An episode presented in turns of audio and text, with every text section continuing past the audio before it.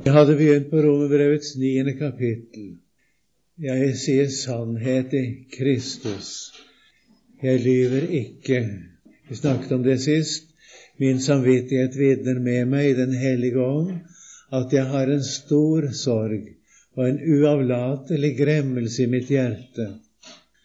For jeg ville ønske at jeg selv var forbannet bort fra Kristus for mine brødre, mine frender efter kjødet de som er israelitter, de som barnekåret og herligheten og paktene og lovgivningen og gudstjenesten og løftene tilhører, osv. Vi holdt på å snakke om herligheten da vi sluttet forrige time. Det betyr altså Guds nærvær, og refererer seg til ikke minst at det står Herrens herlighet fylte huset. Det var da tabernaklet ble innviet. Det tilsvarende skjedde da tempelet ble innviet. Og med parentes få nevne at tabernaklet blir også kalt for Herrens hus. Det er nemlig noen som eh, påstår det at en hel del av salmene, som er Davids salmer, ikke kan være av David fordi det taler om Herrens hus i dem. Og Herrens hus var ikke bygget, tempelet var ikke bygget ennå på Davids tid. Altså må de salmene være av yngre dato og ikke av David. Jeg vil bare si at det er det rene tøv. Det har ingenting med saken å gjøre. For Herrens nærvær, Herrens bolig Da tabernaklet sto i Shilo, f.eks., så ble det ofte kalt Herrens bolig var i Shilo. Herrens hus var der. Så det er helt feil når man bruker den slags argumentasjon. Altså Herrens nærvær, det er herligheten. Så er det paktene. Det står i flertall. Det kommer av at det er to slag av dem. En pakt gitt ved Abrahams, en nådepakt som jeg har talt om tidligere. En pakt gitt på Sinai, det er altså en lovpakt. Det er to forskjellige slags pakter det har vi vært inne på. Men paktene er gitt dem av Herren. Og likedan lovgivningen, det som er Israels store ære og ros. Der har Israel fått noe som intet hedningefolk har fått. Det står f.eks. i slutten av Salme 147 at han kunngjorde sitt ord til Jakob sine lover til Israels barn, således har han ikke gjort mot noe hedningefolk. Og lover kjenner de ikke.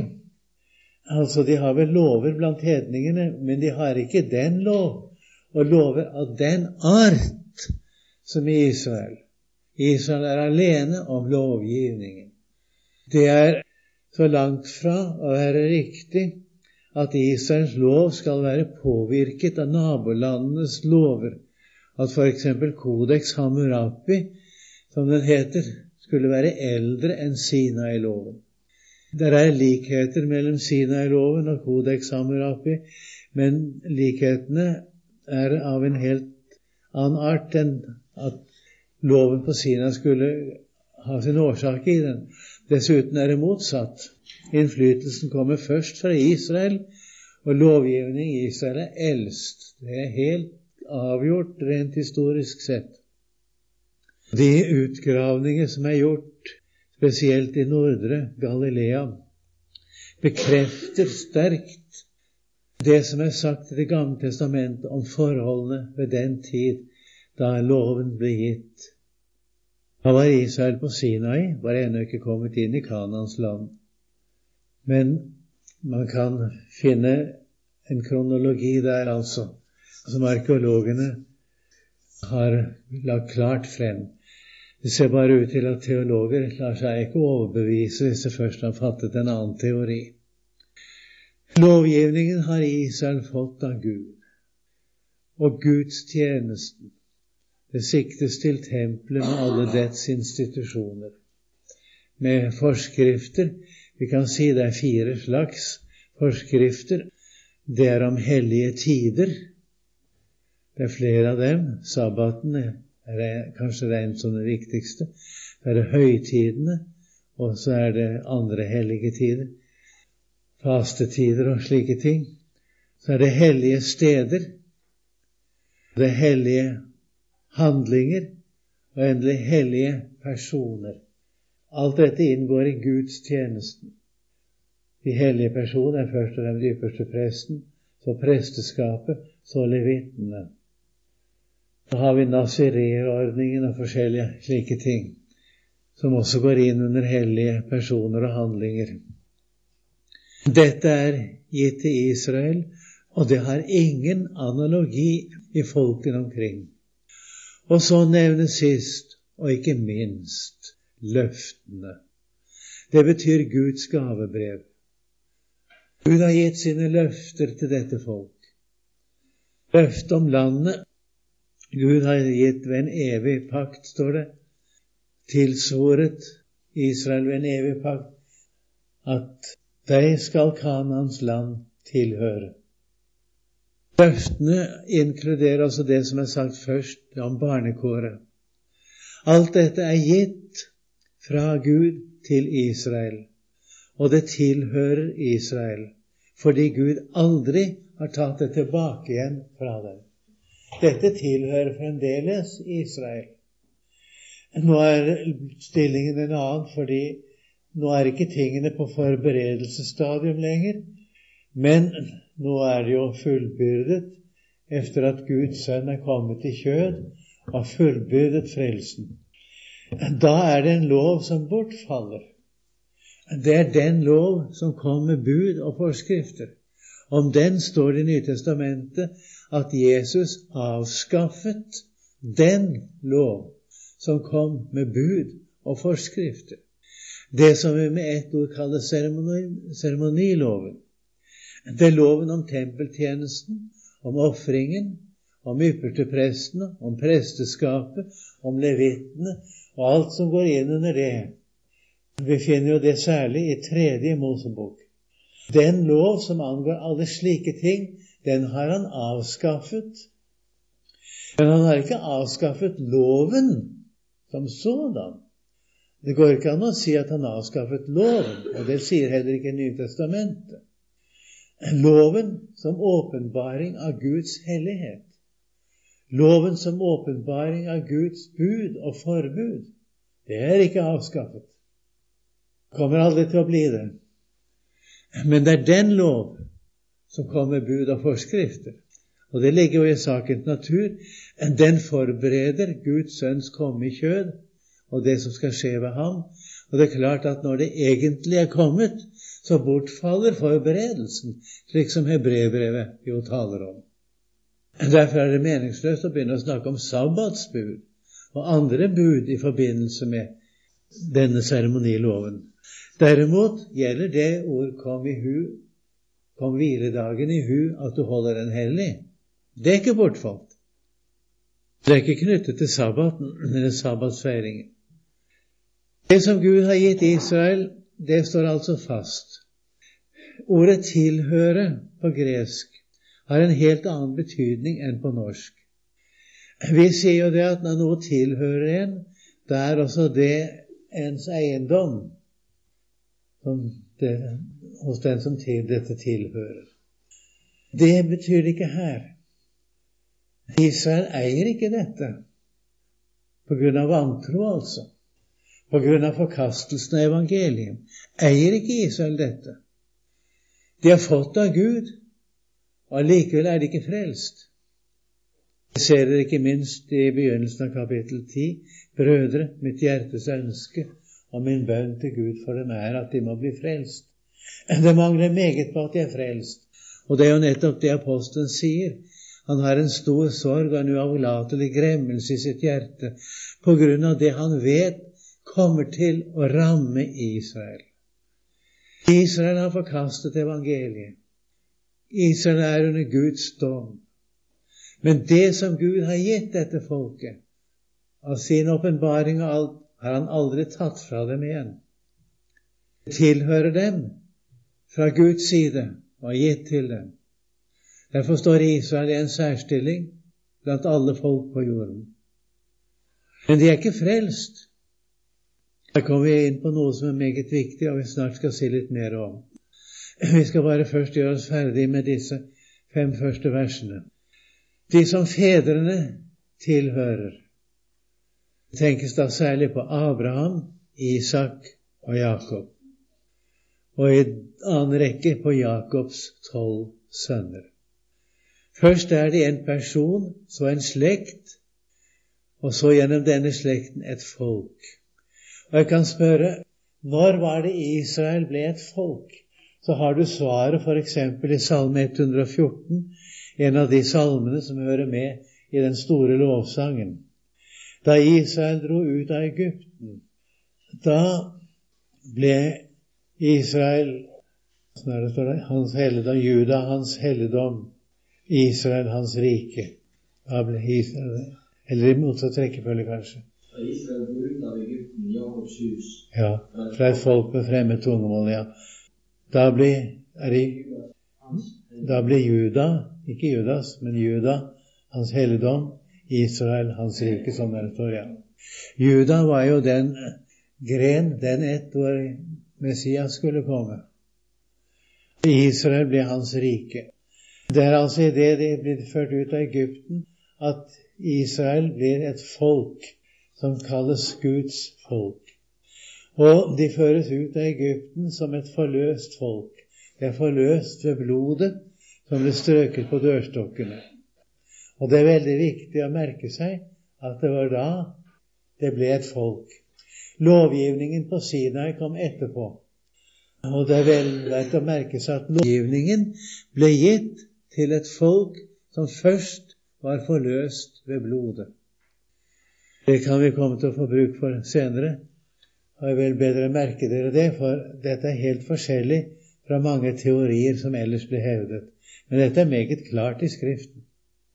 Så fedrene tilhører dem. Så står det 'og som Kristus er kommet fra etter kjødet'. Det står ikke at Kristus tilhører dem. Han tilhører menneskeheten. Han tilhører alle mennesker. Han kommer for alle menneskers skyld. Jeg forstår ikke at Kristus tilhører dem. Fedrene tilhører dem, men Kristus er etter kjødet, altså som menneske, kommet fra dem. Han som er Gud over alle ting. Slik skal det ordet oversettes og forstås. Velsignet i evighet. Det er en annen oversettelse som med litt kunster kan la seg frembringe, og det var eh, Arius som lanserte den i sin tid. Og mange liberale teologer har tatt den opp siden, hvor de altså nekter at det står at han er Gud over alle ting. Men oversettelsen vår er den riktige, og jeg behøver ikke gå inn i detaljer her, for det forutsetter nokså mye språklig og til dels innviklet forklaring. Den er enkel og klar, den oversettelsen. Og det er jo et vitnesbyrd om at Jesus Kristus, han er Gud. Gud over alle ting. Og at det er Gud kommet i kjød som kommer fra dette folk. Som menneske kommer han fra Israel. Men han tilhører ikke Israel. Han tilhører hele menneskeheten. Se hvor nøyaktig Guds ord uttrykker seg. Dette skriver apostelen for å markere sitt forhold til Israel samtidig som han gjør det klart at Gud har aldri tatt tilbake igjen fra Israel det som han spesielt har, spesielt har gitt til dem. Så er da spørsmålet Når det er slik at Israel er et spesielt utvalgt folk, vil da det si at det er noe som er gått galt? Det er jo vitterlig at nå er dette folk kommet under Guds dom. Har Guds ord da slått feil, da? Og hva er det som er gått galt med dette folk? Er den utvelgelse Gud har gjort av Israel, er den opphevet? Videre. Dette forklarer apostelen nå videre i kapittel 9, og gjør det klart at Israel har selv utelukket seg fra samfunnet med Gud ved sin utroskap mot Guds pakt, for å si det kort. Israel har selv utelukket seg. Først blir det påpekt nå fra vers 6 og utover at det å tilhøre Israel som nasjon ikke er det samme som å være et frelst menneske, for å ta det i vår språkbruk. En tilhører en nasjon som er særlig utvalgt, og den utvelgelse kommer til å stå fast til tidenes ende. Gud går aldri tilbake på den utvelgelsen han har gjort av Israel. Og Israel er den dag i dag et utvalgt folk som står i en særstilling blant nasjonene. Denne utvelgelse kaller vi gjerne åpenbaringsøkonomisk utvelgelse. Han utvalgte først en person, Abraham. Han sier allerede til Abraham i deg skal alle jordens slekter velsignes. Han utvalgte en person for gjennom ham å frelske menneskeslekten. Denne person, han ble til en slekt. Denne slekt ble til et folk. Utvelgelsen av denne person, av fedrene og folket som følger med, av fedrene, de er utvalgt for hele menneskehetens frelses skyld. For Gud skal bruke denne nasjonen til noe som han ikke kunne bruke noen annen nasjon til. Det skulle forberede frelsen. Det skulle også frembringe Frelseren i tidens fylde. Og Gud skal fortsatt, det skal vi se når vi kommer til kapittel 11, mot tidenes ende fremdeles bruke dette folk til noe spesielt. Det går tydelig frem av kapittel 11. Dette er en åpenbaringsøkonomisk utvelgelse, og den gjelder kun Israel. Derimot er det også en barnekårsutvelgelse. Israel skal være redskap for en barnekårsutvelgelse. Den gjelder alle mennesker. Den gjelder ikke bare Israel. Den gjelder hele menneskeheten. Barnekorsutvelgelsen er det samme for arabere og grekere og europeere osv. Der er det ingen forskjell. Han utvalgte oss i Kristus før verdens grunnmål ble lagt. Den utvelgelsen, den er også sett i kapittel 8, at det er utvalgt, det gjelder alle mennesker. Dem som han forutkjente, som det står i kapittel 8, det som vi snakket om. De mennesker som når de hører evangeliet, tar imot det, har Gud fra evighet av vedkjent seg som sine, all det aldeles uansett nasjon. Der har ikke jødene noe fortrinn fremfor hedningene på den måten. Vi må være klar over denne forskjell, altså barnekorsutvelgelsen som gjelder hele menneskeheten, er lik for alle mennesker. Og så den åpenbaringsøkonomiske utvelgelse av Israel til bestemte tjenester den gjelder bare Israel. Og dette er det nå som da blir belyst i de følgende vers. Vi tar fra vers 6, og det går da kan si til og med Nå skal det bli, det blir til og med vers 16. Når vers 17 kommer inn et nytt synspunkt igjen. Dog ikke som om Guds ord har slått feil, står det i vers 6. For ikke alle som er av Israels ett, er derfor Israel, altså i åndelig forstand. Heller ikke alle som er av Abrahams ett, er derfor hans barn. De er altså ikke Abrahams barn i den betydning at de er frelste mennesker, selv om de hører til Abrahams ett og hører til det folk som har en særskilt utvelgelse. Men, står det, i Isak skal det utvelges deg en ett. Det er ikke kjødets barn er Guds barn, men løftets barn regnes til etten. Intet menneske blir altså Guds barn i kraft av det han er av naturen. Ikke kjødets barn. Løftets barn regnes til etten. De som er frelst ved troen på løftet, de er Guds barn. Det er ikke andre som er Guds barn. For et løftes ord er dette. Ved denne tid vil jeg komme, og da skal Sara ha en sønn. Det refererer seg altså til at Herren kom og besøkte Abraham. Da var de blitt gamle, og da var det ikke noe håp menneskelig sett lenger om at de skulle få noen barn. Det som vi har sett i forbindelse med 4.18, da vi er inne på det. Da var alt håp ute, menneskelig sett, om at eller håpet om at det kunne gå i oppfyllelse som Gud hadde lovt at de skulle få en sønn. Da kom Herren en dag, og så sa han at neste år ved denne tid vil jeg komme, og da skal Sara ha en sønn. Det var et løfte. Det fikk de i en situasjon hvor det menneskelig sett ikke kunne skje som Gud hadde lovt. Israel ble født på en helt naturlig måte, men det skjedde allikevel i kraft av løftet. Det skjedde ikke ut fra de vanlige forutsetningene likevel, fordi de var i en alder hvor dette ikke kunne skje. Og dog skjedde det på grunn av Guds løfte. Og det er dette det refereres til her. Et løftesord er dette. Ved denne tid vil jeg komme, og da skal Sara ha en sønn. Ikke bare dette, men således var det også med Rebekka, hun som var fruktsommelig ved én, Isak, vår far. Fra de ennå var ufødte, og ennå ikke hadde gjort verken godt eller ondt, for at Guds råd efter hans utvelgelse skulle stå ved makt, ikke ved gjerninger, men ved Han som kaller. Da ble det sagt til henne, den eldste skal tjene den yngste, som skrevet er, Jakob elsket jeg, men Esau hatet jeg. Det siste der Esau hatet jeg, det er ikke noen heldig oversettelse.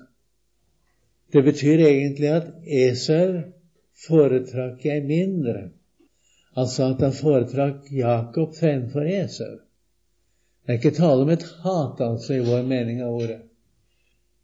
Hva skal vi da si til dette?